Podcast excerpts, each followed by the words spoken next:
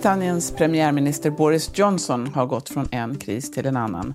Nu hänger hans politiska liv på en skör tråd. Välkommen till Studio DN. Jag heter Sanna Thorén Björling.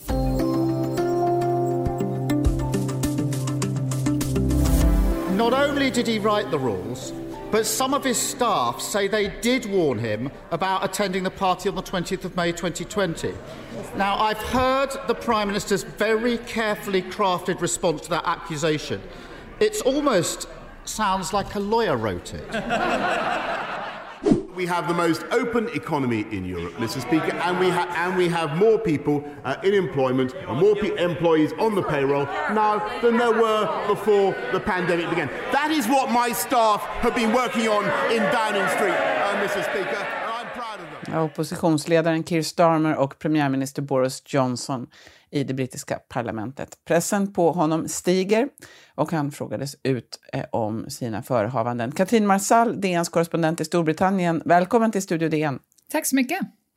Hur var stämningen i Westminster på onsdagen? ja, det var politisk teater i hög klass som vi hörde lite av där.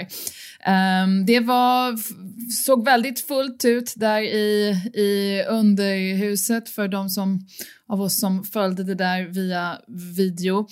Um, och det är ju så det är när det är dramatiskt i brittiska parlamentet. Men uh, Boris Johnson blev uh, hårt pressad för den här eh, partyskandalen med eventuellt olagliga fester som har tagit plats uh, på Downing Street 10 under de brittiska nedstängningarna. Han hade då lite mer energi än vad han hade i en intervju igår och vi vet nu inte hur många eh, parlamentariker i hans parti som kräver en, en misstroendeomröstning om honom. Så att han hänger fortfarande väldigt löst, men vi vet inte hur löst. Mm. Boris Johnson har ju aldrig varit okontroversiell, eh, men droppen då som fått bägaren att rinna över eh, för många har varit eh, avslöjanden om, om fester under pandemin.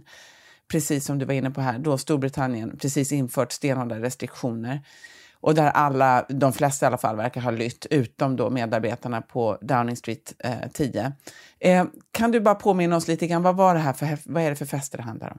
Uh, ja, det, dels så har det varit några avslöjanden uh, under hösten om ett par julfester som då eh, Boris Johnson inte har velat kalla för julfester. Men framför allt handlar det här om en tillställning som tog plats den 20 maj 2020 och det här är under Storbritanniens första och väldigt hårda nedstängning bara för att liksom påminna om hur, hur hårt det här var. Det var ju Ehm, man fick gå ut en gång om dagen de första månaderna och då bara för att motionera eller för att handla mat eller medicin. I princip allt annat var förbjudet. Folk som satt på parkbänkar kunde bli utfrågade av polisen för att det var ju inte daglig motion att sitta på en parkbänk. Det är folk som har fått betala böter för att de har bjudit, haft andra människor över och träffats vid kolonilotter eh, eller grillat med en engångsgrill i en park. Um, det här var en väldigt, väldigt hård nedstängning. Den 20 maj 2020 lätta, hade man lättat lite grann på de här restriktionerna. Um, man fick träffa en person ur ett annat hushåll utomhus såvida man höll två meters avstånd. Den här dagen skickade Boris Johnsons nära medarbetare Martin Reynolds ut ett mejl till över 100 regeringsanställda och bjöd in dem till en tillställning. Det är kontroversiellt om man ska kalla det här fest eller inte i trädgården till nummer 10 Downing Street, men de uppmanades i alla fall att ta med sig egen sprit, bring your own booze. Boris Johnson dök upp på den här tillställningen som han alltså inte vill kalla för fest i ungefär 25 minuter. Hans hustru eh, påstås ha suttit i solen och druckit gin. Um, och det här har gjort människor väldigt, väldigt upprörda. Så det är den första festen. Sen um, så har det också varit kontroversiellt kring två fester som hölls av hans medarbetare våren 2021, den 16 april tror jag det var. Det här är när Storbritannien är i officiell landssorg eftersom prins Philip, drottningens gemål, i många decennier har gått bort. Det här är dagen innan de kända bilderna där drottning Elizabeth II sitter helt ensam i kyrkbänken i, i Windsor under begravningen för att hon följer restriktionerna. Dagen innan så var det två fester på Downing Street 10 som slutade med, eller som började med vad jag förstår, eh, någon slags spontan disco i källaren och slutade framåt småtimmarna med att man gungade sönder eh, premiärministerns son, eh, Wilfred Johnson tror jag han heter, hans gunga i alla fall. Um, de här festerna var inte Boris Johnson själv på, men avslöjandena har ställt väldigt många frågor kring vad är det för kultur som eh, har så att säga frodats runt den här premiärministern. Hur var det här möjligt? Han, han har ju också fått eh, frågor om det här och hur han, vad han visste och inte visste. Det handlar ju också mycket om lögner eh, eller påstådda lögner. Eh, vi ska lyssna på ett utsnitt av en intervju. Nobody said that uh, this was something that was against the rules, it was a breach of the of the COVID rules, or we were doing something that wasn't a, a work event because, uh, frankly, I don't think. Uh, I can't imagine why on earth it would have gone ahead or why it would have been allowed uh, to go ahead. Was having to apologise to the Queen about those parties the night before she put her husband of over 70 years, she laid him to rest. Was that a moment of shame for you? I, I deeply and, and bitterly regret uh, that, that, that, that that happened. En intervju i The Guardian. Man hör Boris Johnson djupandas här. Han tycker att det här är jobbigt, Katrin. Ja, det här var en intervju eh, precis tidigare i veckan som han fick väldigt mycket kritik för eftersom han då eh, dels kanske inte framstod väldigt övertygande i särskilt många människors öron där kring ja, ingen sa till mig att det var olagligt. Uh, jag visste inte om att det här uh, var en fest.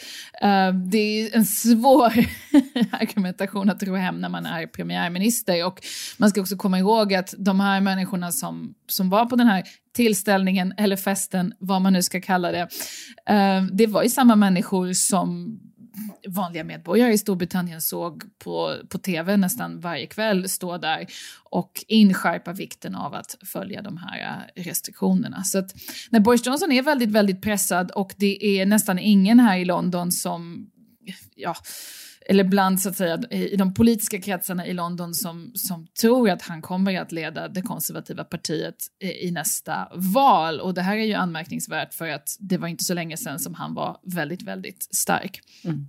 Han har ju klarat kriser förut och hans okonventionella stil har ju också varit som en, en, en viktig del i hans popularitet. Vad skulle du säga, vad är det nu, både för hans partikamrater och för, för britterna, vilken är skillnaden?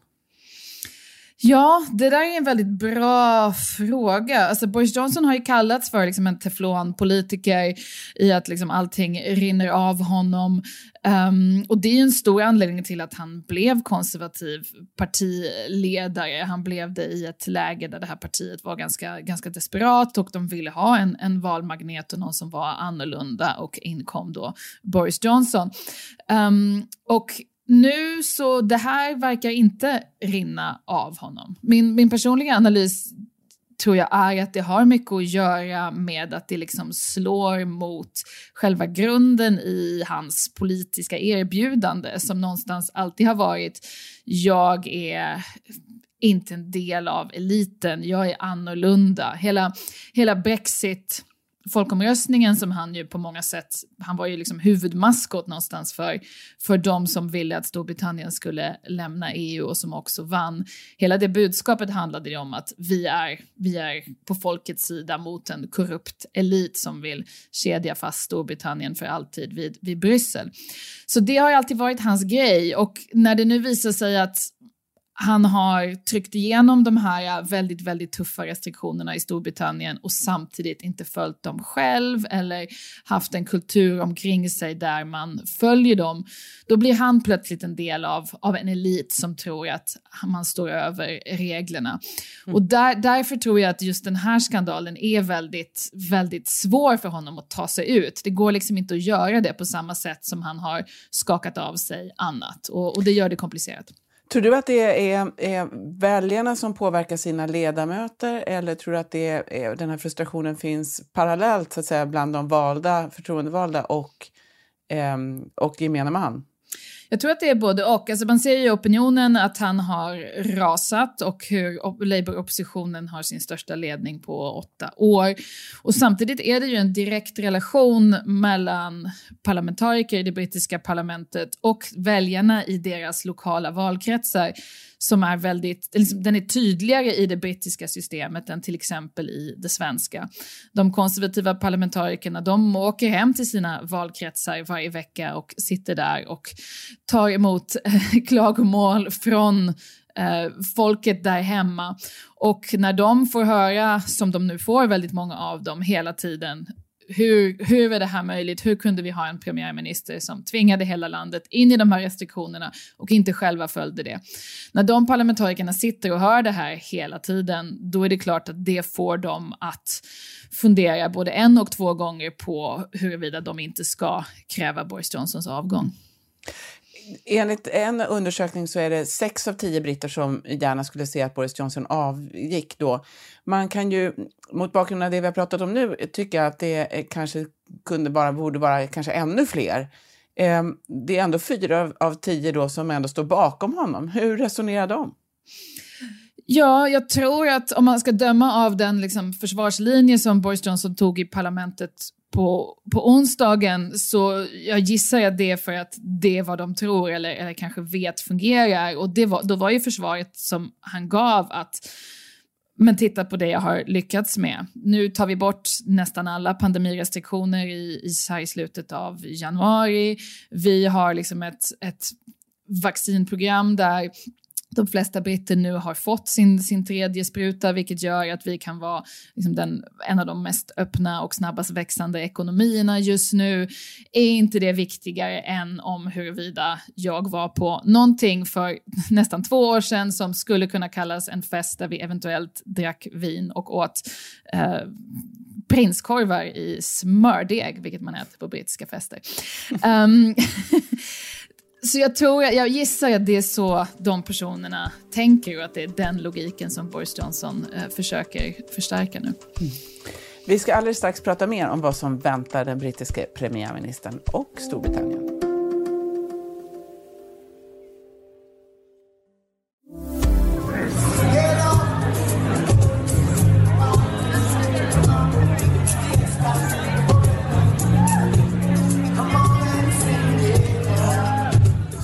DN idag. Vi pratar med Katrin Marsall i Storbritannien om Boris Johnson. Och det vi hörde nu det var eh, från en fest 2013 i Stadshuset där Boris Johnson eh, dansade loss på, eh, på dansgolvet. Eh, vad, vad, eh, har, är han känd för att festa?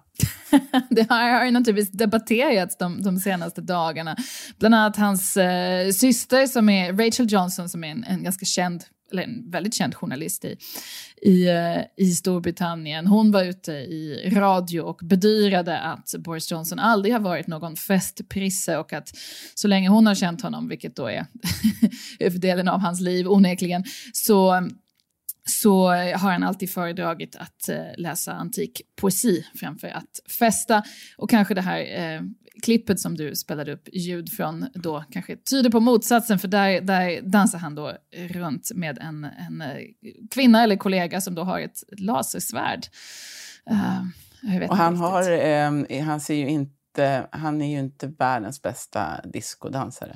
Nej, nej, det är ju liksom så här, engelsk... Medelålders man på dansgolvet. Ja, engelsk privatskoledansstil som eh, blev känd via eh, Colin Firths karaktär i Mamma Mia-filmerna kanske. Mm.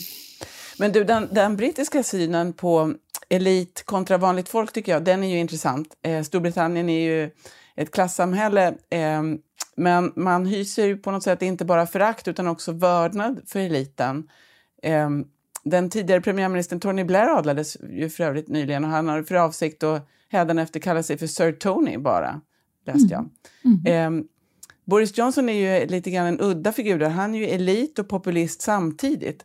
För mm. britterna, vad skulle du säga, vad, vad står Boris Johnson för? Ja, nej men han är ju elit i bemärkelsen att ha har gått på fin skola. Samtidigt hade han en svår barndom och var på alltså, eh, stort kallt hus och gick på Eton på, på stipendiepengar. Så det är liksom inte det är inte helt sådär eh, guldsked i munnen utan kanske bara liksom, lite rostig silversked. Um, han har ju, men han har ju varit väldigt framgångsrikt framställt sig själv som en politiker som är genuin och som kanske slirar på sanningen i vissa frågor men som aldrig ljuger om vem han är i någon större bemärkelse. Och det har ju fått människor att lita på honom och relatera till honom på ett, liksom ett mänskligt sätt som man inte har gjort med många andra politiker. Och det har varit hans stora, stora, stora framgångsfaktor. Um, och igen, jag tror att det är därför som, som den här skandalen verkligen biter, för att den, den slår mot det där. Mm. Och då, om man eh, då ska prata lite grann om vad som väntar honom nu. 54 parlamentsledamöter kan förklara eh, misstroende mot honom. Eh, och man är väl uppe i eh, hälften, någonting sånt. Ja, det är ingen som vet. Det är superhemligt. superhemligt. Uh. Hur fungerar den där processen? Ja. ja, nej men det finns den här mystiska kommittén som då heter 1922-kommittén. Eh, Ingen bra förklaring till varför den heter just så, men det heter den. Och till den här kommittén så måste ett visst antal brev från konservativa parlamentariker komma in som då eh, kräver en misstroendevotering mot premiärministern och partiledaren. Och eh, i den, det rådande parlamentet är den här siffran 54. Um, ehm, ingen vet hur många brev som just har kommit in, hur många brev som har kommit in idag, hur många som har kommit in igår, hur många som eventuellt togs tillbaka. Men när den här siffran nås, då blir det eh, en misstroendevotering. Sen kan man ju vinna dem och liksom klara sig. Eh, man kan också vinna dem och klara sig kvar ett tag. Det är säkert ingen som minns turerna runt Storbritanniens förra brittiska premiärminister Theresa May, men då var det sådant att hon först vann en misstroendevotering och sen ändå tvingades bort. Så, så att det, det är en rörig process. Um, och eh, pressen ökar ju. Alltså I parlamentet på, på onsdagen så var det ju väldigt dramatiskt till exempel när David Davis som är tidigare brexitminister stod upp och liksom sa, tittade Boris Johnson i ögonen och sa in the name of God, go. Eh, de är ju bra på, på, på drama. Mm. Och en annan ledamot, Christian Wakeford, bytte parti mitt under alltihopa. Ja, ja, sånt händer också. Nej, men det var, det var mycket, mycket idag. Men så vilka alternativ har Boris Johnson? Han kan ju sitta och vänta, vänta ut det här då, eller så kan han gå självmant. Eller vad? Alltså, han verkar ju ha markerat, tror jag ändå, att han vill försöka klara sig ur det här. Och han har ju klarat sig ur eh, svåra politiska knipor förr. Så att, um, han har säkert visst självförtroende i det. Problemet är ju där att det är ju en officiell utredning på gång av de här festerna som kanske inte är fester. Det är väl en av de saker som, som utredningen ska så att säga eh, reda ut. Um, den kan komma nu senare i veckan eller nästa vecka eller veckan efter det. Uh, den kommer visa om det här eventuellt var olagligt. Den kommer också antagligen ha saker att säga kring om Boris Johnson då visste om att det här var en planerad fest och om han i så fall ljög om det här för parlamentet. Det kan helt enkelt finnas, finnas väldigt mycket så att säga explosiv information i den här utredningen som kan göra att han tvingas avgå eller att hans parti eh, agerar om de inte gör det innan dess. Mm. Det där med partikulturer är ju spännande. Alltså i, i Sverige är ju partierna ofta på något sätt lite starkare än, eh, än partiledaren. Medan i USA så kan ju en partiföreträdare helt förändra partiet som vi har sett. Hur, hur är det där i Storbritannien? Vilka är Tories utan Boris Johnson? Eller eh, vilka kan de bli? Eller vad, vad, vad händer med partiet? Ja, alltså, det konservativa partiet i Storbritannien är ju, de har en ganska osentimental relation till sina ledare. Alltså att en ledare sitter där tills, tills de här parlamentarikerna som har väldigt mycket självständighet och som hela tiden tänker på sina egna möjligheter att bli omvalda i sin valkrets. Så länge de tycker att partiledaren är en nettovinst för dem. Det här är en person som gör det lättare för mig att vinna min valkrets. Så, länge, så fort en partiledare börjar uppfattas som att han eller hon inte är det längre, då brukar de byta ut den här personen. Um, så att det är väl och sen så, då blir det, och det är klart att en partiledare kan byta inriktning. Boris Johnson gjorde det i väldigt hög grad skulle jag säga, framförallt gällande, gällande Brexit. Men, men han eller hon sitter ändå alltid på uppdrag av de här konservativa parlamentarikerna och han eller hon vet också alltid att, att det, är, det är väldigt lätt att bli avsatt. Mm. Eh, så om vi blickar lite framåt då, du nämnde den här rapporten som vi väntar på. Och sen finns det ju då förstås spekulationer om eventuella efterträdare. Vad, vad skulle du se, vilken tågordning blir det? Om Boris Johnson eh, tvingas avgå, blir det val då eller kan man ersätta en parti premiärminister? Ja, nej, då Många tror jag... Det, um, ja, det där är en intressant konstitutionell fråga som, som diskuteras mycket i Storbritannien. Um, ja, det, det sannolika är väl då att de byter partiledare och att det då kommer vara viss press på att den här nya partiledaren och premiärministern också ska kalla till val. Och att den här nya eh, partiledaren och premiärministern inte vill göra det eftersom det konservativa partiet, tack vare Boris Johnson 2019, eh, vann en väldigt stor majoritet i parlamentet som man liksom inte vill lyckas spela bort i första taget. Så att jag tror att det mest sannolika är väl att man i så fall, om han avgår eller tvingas bort, eh, så blir det de konservativa partimedlemmarna som för, vad blir det, tredje gången på sex år själva väljer en ny brittisk premiärminister. Um, och det kan man ju diskutera liksom demokratiskt om det är, är rimligt, men det är, det är liksom helt okej okay att, att göra så. Jag tror att det är också det, det, mest, det mest sannolika givet storleken på den, på den rådande konservativa majoriteten. Mm.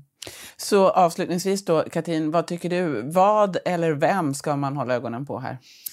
Ja, det är många som känner sig kallade i det här partiet alltid. Uh, det är många som vill bli, vill bli partiledare. Um, det, är ju, det blir mycket prat om, om finansministern Rishi Sunak som, som är en populär politiker som också är motsatsen till Boris Johnson på många sätt. En väldigt, så att säga, uh, städad och välkammad person som uppfattas vara väldigt kompetent. Um, och eh, sen är det ju också utrikesministern Liz Truss som eh, står väl längre till till höger och gärna ser sig själv som en ny Margaret Thatcher. Hon är nog också, känner sig nog också kallad. Sen finns det Jeremy Hunt som är mer av en mittenpolitiker som eh, tidigare hälsominister som eh, förlorade partiledarstriden mot Boris Johnson förra gången som, som säkert vill ställa upp den här gången. Så att, eh, ja, det kan bli spännande. Mm. Vad tror du själv då? Kommer Boris Johnson att klara sig? Eller? Ah, det, alltså, det är svårt att säga. Det är ju framförallt det, om man ställer den motsatta frågan. Vad behöver han göra för att liksom lyckas hålla sig kvar? Då är det ju, han kommer ju oavsett vad den här utredningen säger behöva sparka väldigt många personer omkring sig om han vill klara sig. Han, då måste han ju skylla på någon annan. Då kommer han inte ha folk omkring sig som kan hjälpa honom att, så att säga, få tillbaka energin och momentum i, i det här premiärministerskapet och det kommer vara svårt att rekrytera kompetenta personer. Kommer han då lyckas vända skeppet själv? Ja, svårt att säga. Um, ja, nej, det är, han är i ett väldigt svårt läge. Mm. Tusen tack för att du var med idag, Katrin. Tack. Om du vill kontakta oss så går det bra att mejla till studiodn Kom också ihåg att prenumerera på Studio DN där du lyssnar på poddar så missar du inga avsnitt. Studio DN görs för Podplay av producent Palmira Kåkarimenga, ljudtekniker Patrik Miesenberger och teknik Oliver Bergman på Bauer Media. Jag heter Sanna Thorén Björling.